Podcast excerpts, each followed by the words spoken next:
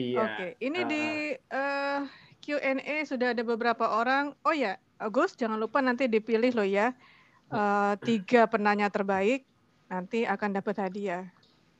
Oke, Gus ya. yang Ya. kecuali Ratis dan Resa ya Gus ya. Dari Hadiahnya khusus kalau akan mereka. bacakan khusus. Ya. Oke.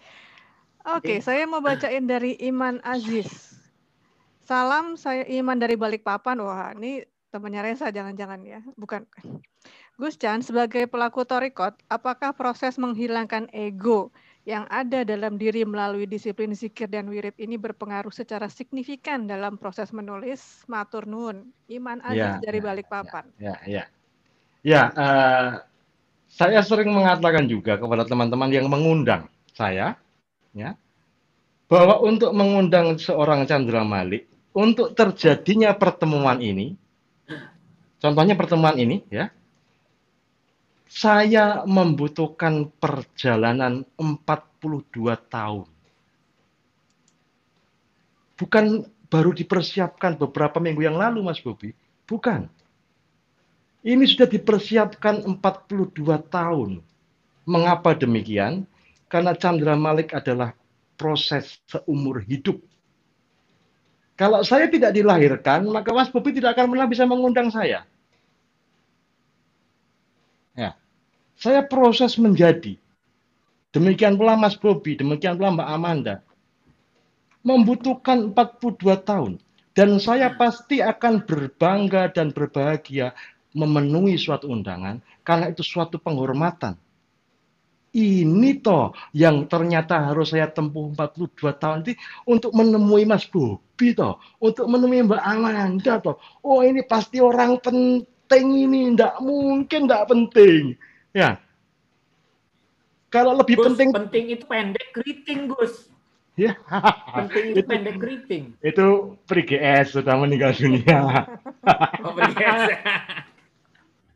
Oke, sorry, sorry lanjut Gus. Iya. Gus jawabannya jangan panjang-panjang, yang lain nggak kebagian nanti. Nah, Ya. itu kaitannya dalam hal torekot. Maka tentu saja dikir, wirid, atau jalan apa pun yang kita tempuh akan membentuk cara pandang kita dalam melakukan sesuatu hal.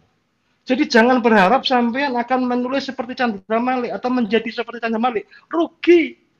Kenapa rugi? Karena sampean sudah menjadi dirimu sendiri seumur hidupmu. Ya, kalau pengen jadi seperti Chandra Malik butuh waktu setidaknya 42 tahun. Ya. Sampai udah berapa? 24. 24 tahunmu apakah akan kamu sia-siakan? 24 tambah 42 berapa? 66.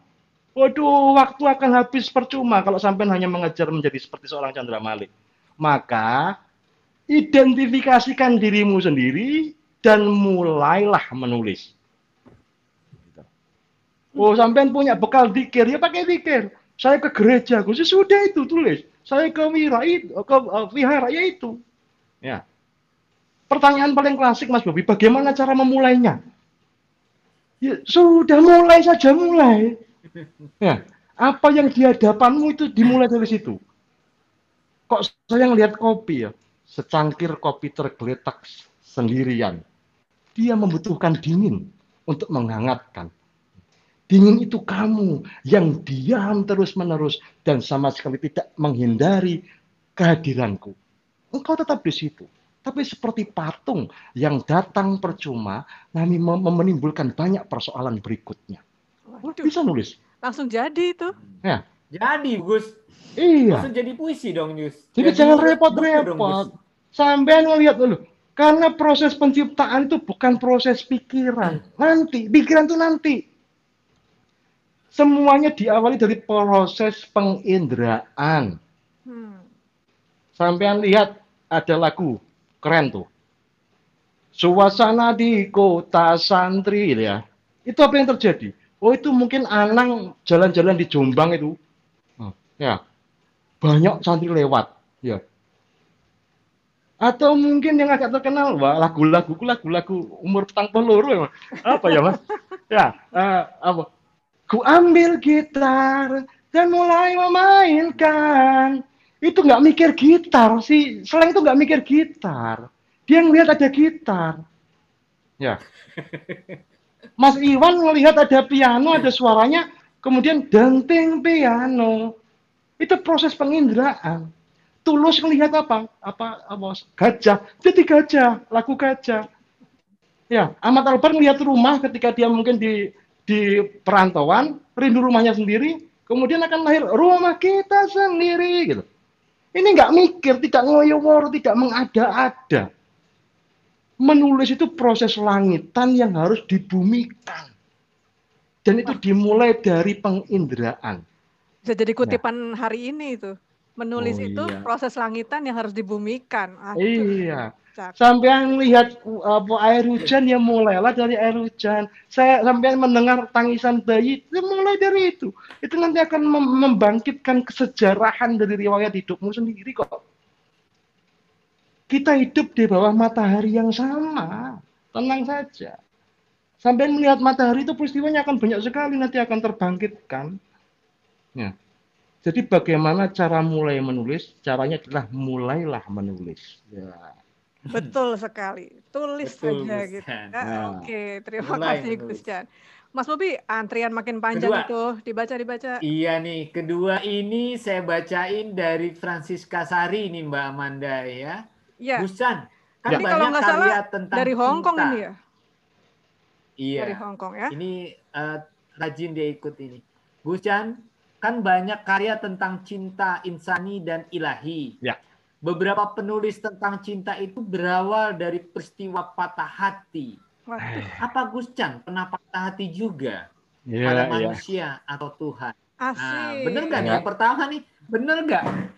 Pernah Ya. patah Dari hati. patah hati Nah. gitu kan. Dan Ini masih- apakah patah hati gitu? Iya. Putus cinta itu tidak sakit. Yang sakit itu sudah putus masih cinta. Oh. Itu Mbak Amanda tuh ya, pengakuan dia. Dia nggak bisa menyangkal itu, itu yang terjadi pada dirinya. Ya, Iya, iya, betul, betul. semakin cinta disangkal, semakin rindu kekal. Nah, setengah dari cinta itu percaya, selebihnya curiga. Setengah dari rindu itu cemburu, selebihnya ragu-ragu. Cinta itu luka, rindu itu perihnya. Ya memang begitu, ya. Jadi ini Nah. sebenarnya mengakui atau enggak nih pernah patah hati nih? Nah, itu dia. Nah, itu tiap tiap pernah patah penulis, hati. ya, tiap-tiap penulis, khususnya tiap-tiap penyair, sebaiknya senantiasa merawat kegelisahan. Oh, oke. Hidupmu jangan sampai mapan. Kalau mapan nanti tidurmu enak, kamu nggak nulis. Nah, kamu harus merawat kegelisahan. Penulis itu tidak pernah, Mas, menulis tentang hal lain selain dirinya itu nggak pernah. Ketika aku menulis Mas Bobi contohnya, sebenarnya aku sedang menulis penglihatanku terhadap Mas Bobi. Aku menulis Mbak Amanda, aku sedang menulis pendengaranku tentang Mbak Amanda. Selalu menulis tentang diri sendiri. Menulis tentang pengemis, itu menulis tentang perasaanku, pikiranku. Terus menerus. Ya. Hmm. Mas Bobi penulis biografi. Itu pasti tentang pikiran dan perasaanmu terhadap si tokoh yang engkau tulis. Walaupun engkau melakukan wawancara yang terus-menerus, penggalian data, terus, pada akhirnya ini adalah biografi versi Mas Bobi. Ya. Sekarang Mas Bagaimana Bobi tidak bisa menjawab dia. bagaimana suatu pandangan itu, suatu pandangan itu berdasarkan atas setidaknya empat hal. Pertama, cara pandang. Kedua, sudut pandang. Ketiga, jarak pandang. Keempat, batas pandang. Dan masing-masing dari itu akan menghasilkan pandangan yang berbeda. Oleh karena itu nggak perlu takut kehabisan ide. Huruf itu dari A sampai Z. Ya, Jangankan huruf yang dari A sampai Z, nada itu dari do sampai do cuma tujuh nada. Ini ada jutaan lagu nggak pernah habis diciptakan. Asalkan engkau mengabdikan dirimu pada dunia yang engkau pilih, mengabdikan diri, maka dunia yang kau pilih itulah yang akan menghidupi dan menghidupkan dirimu. Jangan mengambil untung, jangan. Ya. Jangan pernah mengambil untung. Mengapa? Karena dia akan memberimu untung tanpa engkau meminta dan mengambil. Kalau diminta Hmm. malah nggak dapat jangan-jangan gitu ya Gus. Jangan.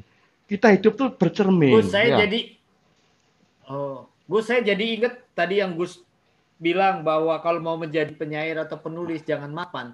Maka kayak model Khairil Anwar itu karena dia tidak mapan menjadi penyair besar iya. ya. Banyak yang dipilih oleh teman-teman dengan jalan pilihannya masing-masing. Ada yang terus-menerus mabuk. Jangan dilihat mabuknya doang. Itu pilihan dia untuk merawat kegelisahan. Ya. Ada Jadi yang menggelandang. ya. Hmm, Oh iya, kalau tidak gelisah lagi mau nulis apa? Ya, Iya, iya, iya. iya. Jadi tadi Ratis nanyain idenya dari mana? Ratis peliharalah kegelisahan itu ya, supaya Ah, kamu iya. tetap bisa menulis. Putus cinta tuh cuma sekali cukup, bisa jadi 10 buku. Ya, Ayo Ratis putus terus saja biar dapat bukunya banyak gitu ya. Pernah suatu Iya, ketika iya. Gus Dur ditanya oleh seorang eh, pengagumnya lah. Gus saya ini kok nulis kok jelek ya Gus? Ya. Kamu pernah patah hati atau belum? Itu pertanyaan, pertanyaan Gus Dur itu. Belum pernah. Oh nggak pernah bisa kamu nulis sastra kalau kamu nggak pernah patah hati. Syarat mutlak, ya kira menurut saya juga ya, syarat mutlak menulis karya sastra harus pernah patah hati Syarat atau mutlak. Oh. atau mematahkan hati. Ya, Nah, kalau gitu saya gitu. pilih yang kedua, lebih Oh. enak kayaknya itu mematahkan hati. daripada Itu sebabnya ya Gus, saya nggak bisa menulis sastra tuh karena nggak pernah patah hati ya Gus ya. Wah, iya iya iya. iya. Itu sulit itu Mungkin, berarti. mungkin.